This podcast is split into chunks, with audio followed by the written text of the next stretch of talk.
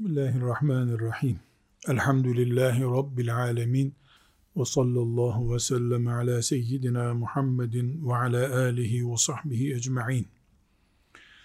Dünyada başımıza gelebilecek ümmetimizin içine düşeceği fitneleri, kötü günleri konuşurken şeytanın dürtükleyebileceği başlıklardan birisi şudur. E bizim günahımız ne? Böyle bir zamanda yaratıldık. Ya da biz bir şey yapmadık. Niye bundan mesul tutuluyoruz? Bundan Allah bizi sınav yapıyor. Bu soruya verilebilecek en güzel cevap şudur. Adem Aleyhisselam'ın günahı neydi? Dünyanın birinci günüydü daha. Oğlunun cesediyle karşılaştı. Nuh Aleyhisselam'ın günahı neydi? 950 sene fitnenin içinde boğuştu durdu hakkın düşmanlarıyla. İbrahim Aleyhisselam'ın ne suçu vardı? Daha henüz çocukken yıldızlardan Allah'ı bulmak durumunda oldu. Hangi peygamberin ne suçu vardı?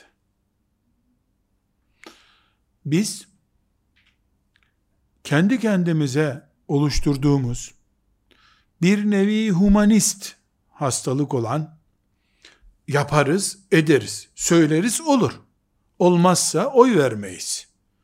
Türünden kudretli insan görüntüsü bizi neredeyse Allah'a karşı da sorgulama yapabilecek bir konuma taşıdı.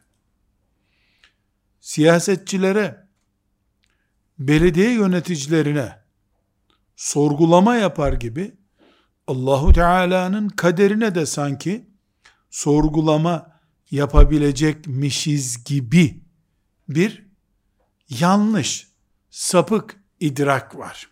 Hayır. Biz Allah'ın kuluyuz. Dünyada Allah'ın mülküdür. Biz hak ettiğimiz için yaratılmadık. Allah sınamak istediği için bizi ve cinleri yarattı. Şeytanı bilerek, isteyerek yarattı. Batılı, şerri, küfrü, zulmü, zalımı bilerek, isteyerek yarattı. Direnebilecek, sabredebilecek, erimeyecek kullarını görmek istiyor Allah. Babamız Adem aleyhisselam dünyada 10 kişi değilken terörle karşılaştı. 10 kişi değildi. O zamanda mı bir terör örgütüne üye oldu veya hatta uluslararası bir odak e, Kabil'i kandırdı? Böyle mi diyeceğiz? Hayır. Rabbim ne dilediyse onu yapıyor. Peki ben insan olarak mükerrem, şerefli bir mahluk olarak şöyle huzur içerisinde olmayacak mıyım? Olacaksın. Ne zaman? İnşaallah cennete girdiğin zaman. İnsan cennet için yaratılmıştır. Dünya için yaratılmamıştır. Dünyanın işte binlerce sene ömrü ile benzerlik bakımından anne rahminin farkı yoktur. Anne rahmi de bir 300-500 gram gelen bir cenin için küçücük bir kümes kadar bir yerdir. Dünyada anne rahmi ile kıyaslandığında dev bir büyük hayalet gibi dursa da cennet dünya ile kıyaslandığında dünyanın tamamı ana rahminden daha küçüktür cennete göre. Dolayısıyla Allah cennette Adem aleyhisselamı babamızı yarattı.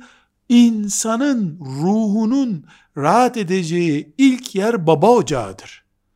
Onun dışında anne karnındaki beklediği 9 ayla bu dünyanın göbeğinde, karnında beklediği 90 sene farklı bekleme mantıklı olması bakımından aynıdır.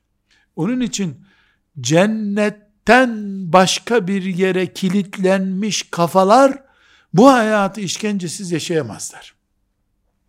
Onlar hiçbir zaman parmaklarına kılıç darbesi geldiği halde ayağıyla basıp senin yüzünden Allah yolunda çalışmaktan e, alıkonamam, geri kalamam diye yarı kopmuş parmağını sanki böyle bir ip koparıyormuş gibi koparıp atıp oraya da toprak basıp ya Allah cihada devam edemezler. Onların tırnağının kenarında küçücük bir tırnakçık çıksa bitti onların huzuru. Çünkü Allah'ın dünyaya vermediği statüyü dünyaya vermeye çalışıyorlar.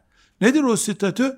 Dünya cennet değil, ana rahmi gibi beklenilip doğmak için cennete yaratılmış bir yerdir dünya.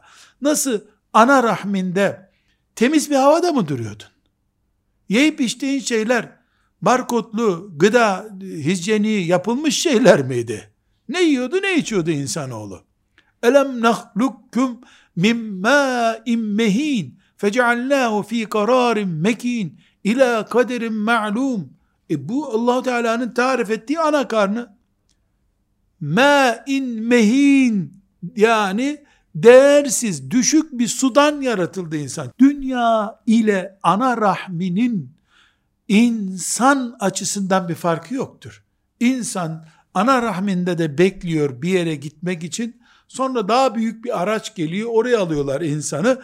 Ama asıl gidilecek yer cennettir veya maazallah cehennemdir. Bunun üçüncüsü yok insan için. Bu yaşadığımız hayatta iletişim cihazlarından teknolojik gelişmelere, devletlerin vatandaşlarına sunduğu sosyal imkanlara, sağlıkla ilgili olağanüstü gelişmelere bakarak insanoğlu bir tür yeter burasını cennet olarak benimsedim ben deme hakkı görüyor kendisinde. İnsanoğlu delirdi. Delirdi. Babasını gömmüş, dayısını gömmüş, halasını gömmüş, nenesini gömmüş biri dünyayı nasıl ebedi zannedebilir? Hani 18 asır önceden bir mesela benim 13. dedem hala yaşıyor olsa insanoğlunun 7 milyarda bir bir şansı olacak. Ya 18 asırdır bu adam yaşıyor. Benim 12. dedem, 36. halam yaşıyor hala diye mesela böyle bir e, açılım yapabilse insanoğlu kendisinin de bir umudu olacak. Hayır insanoğlu görüyor ki yani e, bu dünya kalsa babama kalırdı. Üstelik de şu dedem başımıza dert olmaktan bir gitse kurtulsak dediğin hali sen şimdi yaşıyorsun. Yani dedem fazla karışıyor bu işlere diyordun 30 sene önce. Torunların aynı şeyi senin için söylüyor. Geriden gelenin öndekini kovalamak istediği bir yer burası. Fi mak'adi sıdkın inde melikim muktedir değil asla. Asla değil. Gerilmiş koltuklarda bütün mülkün sahibi olan, güç ve azametin sahibi olan Allah'ın cemalinin önünde oturacağın cennet diye dünyayı zanneden değil sıkıntı çekmek. Sıkıntılarla ilgili bir tarih kitabı okurken bile tansiyonu yükselir onun. Başı ağrır. Bu kadar. Evet bu kadar tabii. Böyle mi? Böyle tabii. Dünya burası. Bir küçücük ana rahmi büyük bir dünyanın örneğidir. Nasıl ana rahmi ile dünya ölçülemeyecek kadar olağanüstü korkunç fark varsa Allah'ın bir kişiye en son giren cennete bir kişiye dünya ile uzay boşluğunun tamamının yedi katını on katını vereceğini hesaplarsan dünya ile ana rahmi arasındaki o küçücük benzetme cennet için büyük bile kalır. Yani çok büyük. Çünkü dünyanın tamamı şu 7 milyar insan olarak yaşadığımız dünyanın tamamı cennete ölçüldüğünde bir kibrit kutusu kadar etmiyor. Kibrit kutusu ne? Büyük bir parça kibrit kutusu. E dolayısıyla olaylara Allah'ın vaat ettiği gibi bakamayan insanlar orada fitne, burada savaş, burada kavga, burada kıtlık, burada hastalık, burada çocuk öldü, burada babası hastalandı, burada siyasiler şunu yaptı, geçen gün patronu haksızlık yaptı. Sen delir, delirsen çünkü aklını Allah'a teslim etmedin. Senin delirmekten delirmiş gibi yaşamaktan başka sığınabileceğin bir liman yoktur. Kim huzur içindedir? Allah'ın mülkünde söz sahibi olarak Allah'ı görüp Allah'ın yaptığı her şeyde huzur arayan ama insan olarak da dik duran, sabreden ama dik duran, ama taviz vermeyen, sanki bütün dünya avuçlarının içindeymiş gibi çünkü Allah'a güveniyor ya, o şekilde çalışan, para kazanmak için çalışan, siyasette başarmak için çalışan, her türlü çalışan bir mümin ol, o zaman dünyada hiçbir olay seni ezip geçemez. Bugün dünya hayatının fitnelerle yoğrulduğunu inkar edecek değiliz. Görünen köyde kılavuz istemez. Burnumuzun dibindeki çöplüğün de koktuğunu anlamak için bir cihaz gerekmez. Yani şu yaşadığımız hayat evet bize sıkıntı üstüne sıkıntı oluşturduğu doğru. Ama bir gerçek var. Nedir o gerçek? Adem babamızdan beri böyle bu. Bundan sonra da değişmeyecek.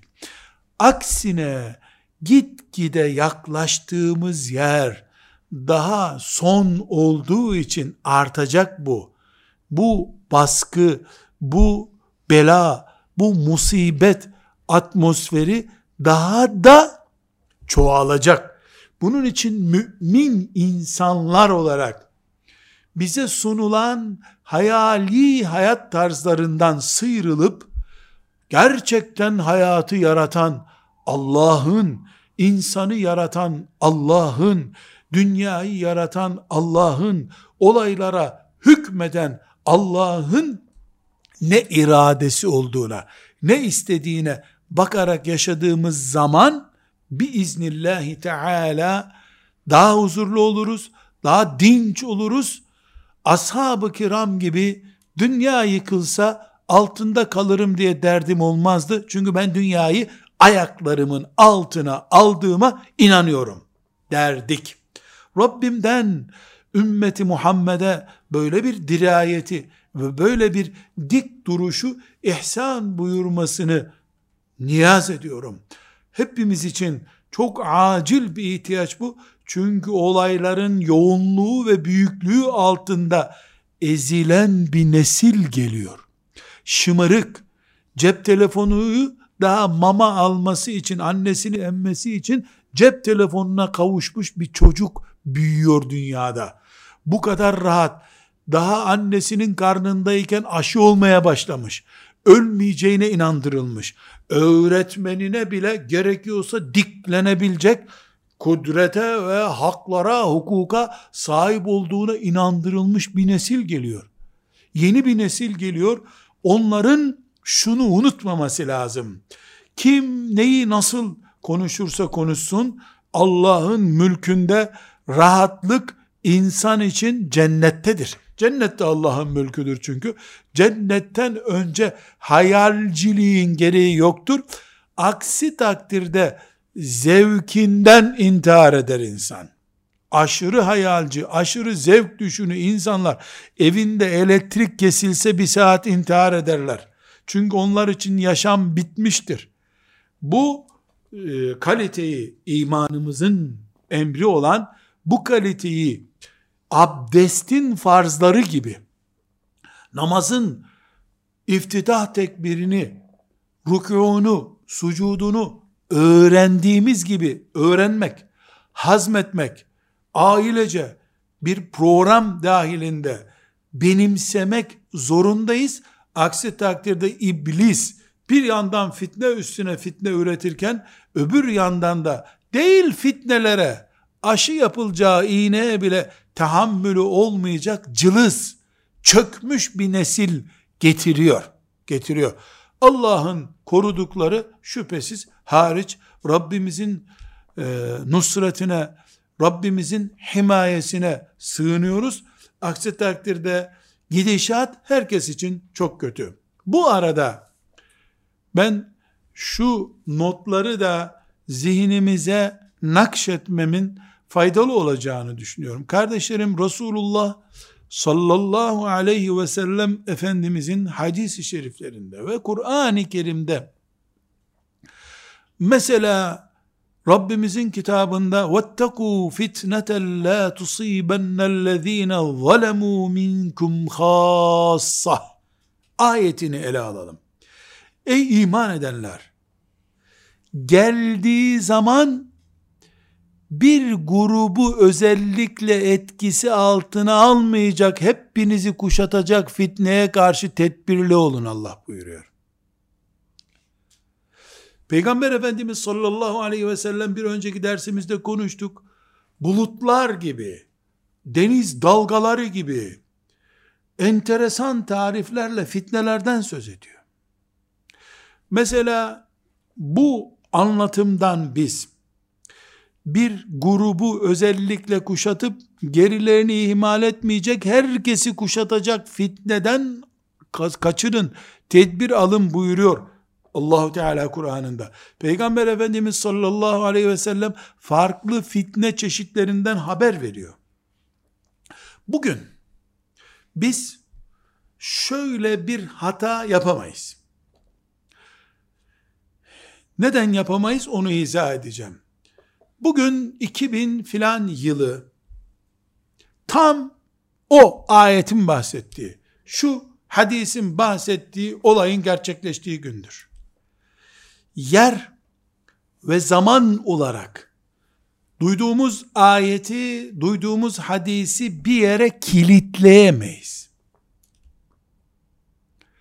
Bu zamansız doğum olur, sakat doğarız biz bu arada kıyametin koptuğu son 10 dakikada bile elindeki fidanı dikmeyi emreden Resulullah sallallahu aleyhi ve sellemin ümmeti fitnelerin büyüklüğünün mazeret edildiği bir ortamda yaşayamaz. Fitneler büyüdükçe kafaları büyüyen müminler olmak zorundayız fitne bizi kuşattıkça alan değiştirmeyi becerebilen ümmet olmak zorundayız. Burayı fitne kuşattı, biz de buradayız, işimiz bitti, velhamdülillahi rabbil alemin deyip, ölülere Fatiha okur gibi kendimizi ölüler konumuna getiremeyiz. Peki ne yapmamız lazım? Nere fitnenin işgali altında ise, neresi fitne ile kuşatıldı ise, biz o kuşatmayı yarıp fitnesiz ortam üretmek zorundayız. Resulullah sallallahu aleyhi ve sellemin haber verdiği, Kur'an-ı Kerim'in işaret ettiği fitnelerden, belalardan, musibetlerden birisi gerçekleştiğinde bu fitnenin daha büyüğü, bu belanın daha ağırı olabileceğini düşünüp kendimizi belanın üstüne çıkarmak zorundayız. Mesela internet insanlığın başına açılmış bir musibet gibi duruyor olabilir. Biz bu musibete karşı kendimizi, ailemizi, neslimizi, takatimiz yettiği kadar çevremizi kurtarma hamleleri yaparız. Dolayısıyla internet mesela böyle bir şey ise eğer internet bizi kuşatmışken biz onu kuşatıp zararını asgariye indirebiliriz. Kendimizi Allah'ın bahsettiği kıyamet alameti buydu diye internete saldığımız zaman şeytan emek vermeden bizi ele geçirmiş olur. Masrafsız ele geçirmiş olur bizi. Bu ise yani iki kere, beş kere, on kere kaybettiğimiz bir savaş anlamına gelir. Çünkü Adem aleyhisselam babamız ve onun diğer çocukları Lut aleyhisselam, Nuh aleyhisselam, İbrahim aleyhisselam, Salih aleyhisselam o zamana göre internet denebilecek belalarla karşılaştılar. Rablerinden kopmadılar. Ve şeytana teslim olmayı hiç düşünmediler. Tek kaldı İbrahim aleyhisselam putperestlerin ortasında. Onun için Allah ona tek başına ümmet diyor. Tek kaldı teslim olmadı. Ateşin içine düştü yine teslim olmadı. Böylece İbrahim oldu. Ateş onu kuşattı. Yani alttan, üstten, ortasından, ateşin tam ortasında kaldı İbrahim aleyhisselam. O anda bile onu İbrahim yapan imanında sarsılma olmadı. Bildiğimiz meşhur olay Cebrail aleyhisselam yardım edeyim mi sana diye ateşe atılacağı zaman sorduğunda ne demişti? Sen mi? Senden bir şey istemem. Rabbim ise yardım edilip edilmeyeceğimi görüyor zaten dedi gönderdi onu. İman bu işte. İman bu.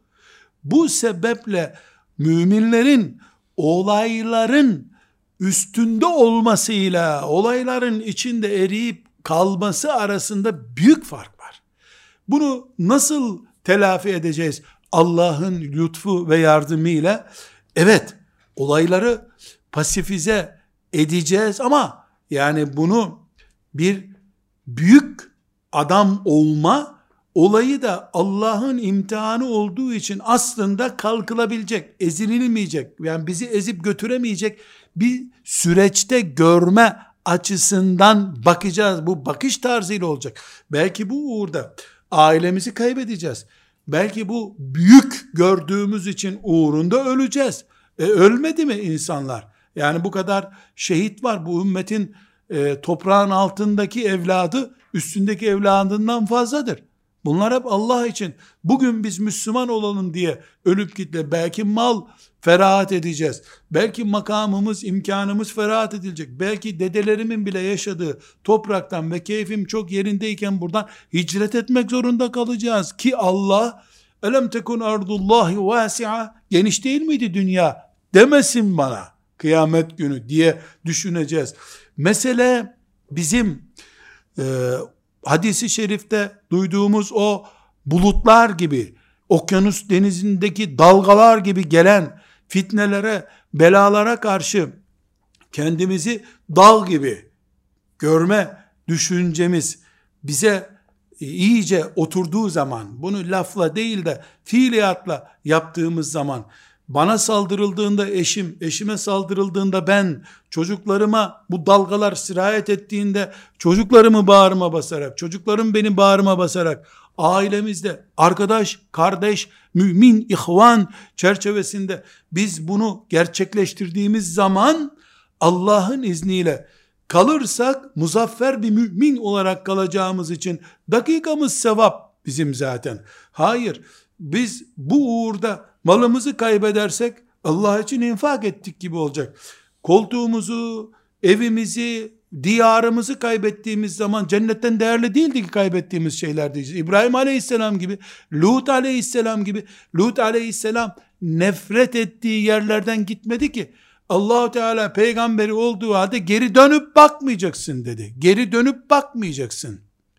Niye geri dönüp bakmayacaksın? Çünkü geri dönülüp bakılacak kadar güzel yerlerden çekip gitti. Nereye gideceği de belli değildi üstelik. Yani gittiği yerde neyle karşılaşacağı belli değil. Gerekiyorsa terk edin. Gerekiyorsa şehit olacağız. Daha Allah'tan ne isteyecektik? Veya gazi olacağız. Her halükarda bu ümmetin hayatında bu tür sıkıntılar olmayacaktı da bir programlama hatası oldu herhalde diyemeyeceğimize göre hayır Allahu Teala böyle murad etti. Adem aleyhisselamdan beri böyle murad ediyor. E, kulu İbrahim'i böyle sınadı. Salih aleyhisselamı böyle sınadı. Yusuf'u kuyuya bunun için attırdı. Yakub'u oğluyla böyle sınadı. Ve İshak aleyhisselamı böyle sınadı. Koç tutar gibi oğlunun elinden tutup kurban etmeye bunun için götürttü. İmtihan bunlar. İmtihan üstüne imtihan. Ama kazanan kullar kaybettikleri şeylerle ölçülemeyecek kadar büyük şeyler kazandılar. Allah'ı kazandılar. Cenneti kazandılar. Ümmeti Muhammed'in hayır dualarında kıyamete kadar anılmayı kazandılar. Ateşe atlarken Cebrail aleyhisselamdan bile yardım istemeyen, bana Allah yeter diyen, hasbunallah ve ni'mel vekil diyen İbrahim, Bugün milyonlarca namaz kılınıyor her gün. Her namazda Allahümme barik ala Muhammedin ve ala ali Muhammed. Kema barakte ala İbrahim ve ala ali İbrahim diye anılıyor. E, kolay mı? Milyarlarca seni görmemiş mümin, milyarlarca mümin, milyarlarca, yüzlerce milyar kere namaz kılıyorlar. Bir kere Esselamu Aleyküm ve Rahmetullah diye namazdan çıkamıyor sana selam göndermeden. Bu ne sayesinde oldu? İşte dalgaların, o internet dalgası gibi dalgaların, ateşlerin günlerce tutuşturulmak için odunların toplandığı o büyük orman yangını gibi ateşin içine atılırken, Cebrail aleyhisselamdan bile yardım istemeye gerek duymayan ruhun kıyamete kadar selamlanma şeklidir bu. Yoksa Allahu Teala ona rahmetini indirdikten sonra biz ona e, okusak duamızı, salatımızı okusak ne olur, okumasak ne olur? İbrahim Aleyhisselam bize muhtaç mı? Hayır. Biz ona muhtacız. Ateşin tutuştuğu, ateş lavlarının göğe doğru yükseldiği bir ortamda Allah'ı hatırlamak budur. Bunun için bugün ümmeti Muhammed, evet, evet, tarihin hemen hemen hiçbir dönemiyle ölçülemeyecek kadar vahşi bir dönem geçiriyor. Fitneler biri bitmeden öbürü başlıyor. Yani imanı zayıf insanların maazallah imanında koptu gitti olacak düzeyler oluşuyor. Doğru. Ama o gün İbrahim aleyhisselamı müminlerin tahiyyatında namazında ebedileştiren Allah hayy ve kayyum olarak bugün de vardır bugün de aynı yürekliliği gösteren müminler için evet namazda bir daha benim adım anılmayacak. Ben öyle bir iş yapsam bile benim adım anılmayacak ama melekler anacaklar. Ve kıyamet günü İbrahimi tavır gösterenler internete karşı, zalim dünyaya karşı, faize karşı, zinaya karşı, kumara karşı bu yürekliliği göstermeyi becerenler kıyamet günü İbrahimi tavrın sahipleri olarak İbrahim Aleyhisselam'la dirilecekler. Allah'ın izni ve keremiyle. Ama İbrahim Aleyhisselam'ın bu tavrını tarihte kalmış bir örnek olarak görüp internet frekansında kaybolup gidenler, dünya zalimlerinin reklamına algısına feda edilmiş ruhların sahibi olarak yaşayanlar, İbrahim aleyhisselamın mahşer yerinde dirildiği gün, onun grubunun içinde olamayacaklar. Çok zor bir gün onları bekliyor. Ebedi garanti ile geçici sigortalar arasındaki karşılaştırmadır bu. Dünyadakilerin adı sigortadır. Ahirettekinin adı da Allah'ın garantisidir. Halıkımız, razıkımız, her şeyimiz olan Allah'ın garantisinde olmak için bu dünyada yapılması gereken fedakarlıklardan belki de birini konuşuyoruz. Burada kardeşlerim, çok önemli bir noktayı vurguluyorum. Belki onlarca kere kıyamet alametlerinden, fitnelerden, belalardan, musibetlerden söz ettik. Şimdi de işaretlerinden, onların bize gösterdiği yönlerden işaret ediyorum. Deccal bile çıkmış olsa ki en büyük fitnedir o. Deccal bile çıkmış olsa bizim bir iznillahi teala Deccal'a karşı bile Allah'tan yana olma, öyle büyük bir fitneye karşı bile ezilmeme, eğilmeme, bükülmeme mücadelemiz devam edecektir. Eyvah bu da mı çıktı yandık gittik diye söylemeye bile fırsatımız olmayacak kadar fevri ani bir karar verip Allah'tan yana olmayı becermek zorundayız. Birisi hoca kılığında veya yaşlı bir hacı amca kılığında veya kim olursa olsun siyasetçi kılığında, hokkabaz kılığında, ekonomist kılığında bizi Deccal'ın tuzağına doğru çekiyor olabilir. Ama içimizde bize sesler yağdıran melek, gitme, Allah'la beraber ol diyen melek, kulağımıza doğru ses veren o ilahi mesaj, bizde yankı bulacak o zaman. Biz, Deccal'ın çıktığı güne bile la kaddarallah, o güne rastlıyor olsak bile davamız bellidir. Allah'tan vazgeçmemek. Deccal elinde cennet de gösterse bize, elinde cehennem de gösterse, gırtlağını sıkacağım senin de dese, Kur'an'ımızla beraberiz, Rabbimizle beraberiz. Bu olayların içinde eriyip gitmeyen mümin basiretinin, mümin direncinin göstergesidir. Bugün ne yazık ki benim şahsi kanaatime göre Müslümanlar olarak bu bizi kuşatan siyasi, ekonomik vesaire bütün bu olayların hepsinden daha büyük belamız bu direnci kaybetmemizdir bizim. Yani sanki bu kadar bir bela bekliyordu. İlk darbede yıkıldı gitti gibi bir görüntü vermemizdir. Hocalarımız ümmetin başında güzel bir örnek olarak durması gereken, gerekiyorsa şehidim, gerekiyorsa e, ben çoluk çocuğumdan e, ferahat edip hapse girmeye, sürgün edilmeye razıyım demesi gereken hocalarımız bir kenara çekiliyor. Mütefekkirlerimiz evirip kıvırıp işte şu demekti bu demekti diyorlar. Ya öyle bir duruma geliyoruz ki Allah'ın kitabında bu var. Peygamber sallallahu aleyhi ve sellemin sözlerinde bu var derken kafirden önce ilk tepki Müslümandan geliyor. Ya onu şimdi konuşmayalım. Allah'ın konuşmasının uygun olmadığı zamanlar mı var? Mekanlar mı var?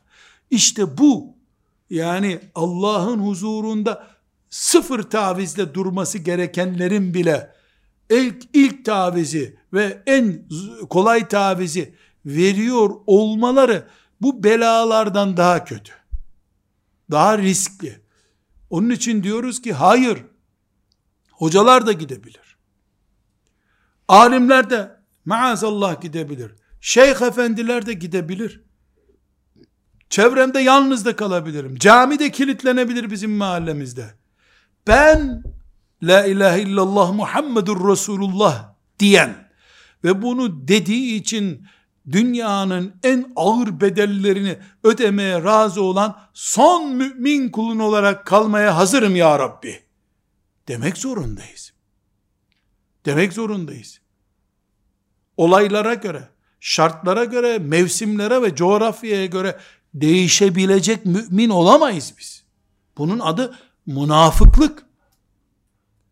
Maazallah münafıklıktan ve bütün e, kötü hasletlerden Allah'a sığınırız. Bunun için bu kıyamet fitnelerini konuşurken diyoruz ki bu fitneler yüzde yüz önümüze çıkmış olsa bile biz bir basamak bir tık daha ötede olmak zorundayız. Evet doğru bu fitne basıp kavuracak bizi. Lakin ben Allah'a iman ediyorum. Ve bu dünya benim tapınağım değildi ki giderse dünya gider. Rabbimle buluşurum deme basiretini ve ferasetini gösterdiğimiz zaman Adem Aleyhisselam'dan beri devam eden bir çeşit hep renklenen fitneler, musibetler, belalar şimdiki zamanda beni bulan türleriyle 100 sene sonra olmayacaklar. Ama ben Rabbimin huzuruna imanımla gitmiş olacağım diye düşünürüm. Böyle düşünmediğimiz zaman oturup matem tutmayı, Hangi olay daha büyüktü? Han, acaba filanca ne yaptı, bu ne yaptı deyip kendi kızartmada kullandığımız yağı günde 10 defa kullanmaya kalkarsak pişirdiğimizi zehirlemiş oluruz. Bunu özellikle gıda üzerinden örnek veriyorum. Yani bir, bir tavada balık kızartıyorsun. Onu bekletiyorsun. Bir ay sonra bir daha kızartıyorsun. Bir sene hep o yağı kullanıyorsun. Kızartılmış bu kullanılmış bir yağ çürümüş. Motor yağına dönmüş bu. Mazota dönmüş hala kızartma yapıyorsun. Olaylar bizim önümüze geldiğinde bir mecliste oturuyoruz o olayları konuşuyoruz. Bir saat sonra başka bir meclise gidiyoruz. Haydi bir daha kızartma yağında bir yağ bir, bir kızartma daha yapıyor. Bir aydır hep aynı şeyleri konuşuyoruz. Öyle değil. Kızartmada kullanılmış yağı iki defa kullanmayız biz. Bu olay bitti. Bu Allah'ın şeriatında çözümü böyle, karşılığı böyle. Benim için bu bitti. Bugün yeni bir gün. Ümmeti Muhammed'in yeni dertleri olabilir. Yeni umudu var. Güneş yeniden doğdu. Ben de yeniden uyandım bu sabah. Biz bu gece bu dünyadan gitmiş olabilirdik. Allahu Teala lütfetti. Yeniden kalktık. Hayat yeniden başladı. Sorunlar yeniden devam etmesin. Ağır devam edebilir. Ben yeniden yaratılmış gibi mücadeleye devam ederim. Bugün Rabbime gitmem mukadderse giderim. Giderim. Dolayısıyla kardeşlerim biz bu olayı tarif ediyor Peygamber sallallahu aleyhi ve sellem Efendimiz hadisi şerifinde veya Kur'an'ımız işaret ediyor. Genel olarak bu tehlikeyi konuşuruz. Yüzde yüz buydu. Allah'ın anlattığı, peygamberin anlattığı buydu deyip oturup matem tutmayız. Kilitlenip kalmayız. Zira Allahu Teala'nın mülkünde Allah'ın istemediği hiçbir şey olmaz. Rabbim benim imanımla yaşayıp devam etmemi istiyor. Bu olayları da karşıma çıkarıyor. Bundan anlaşılıyor ki ben bunu atlayıp geçebilirim. Atlayıp geçemeyeceğim bir şey olsaydı bana Allah imanla devam et bu badireden geç demezdi. Rabbim kazanılamayacak, önüne önünde durulamayacak bir belayı göndermez ki kuluna. Deccal bile olsa bu.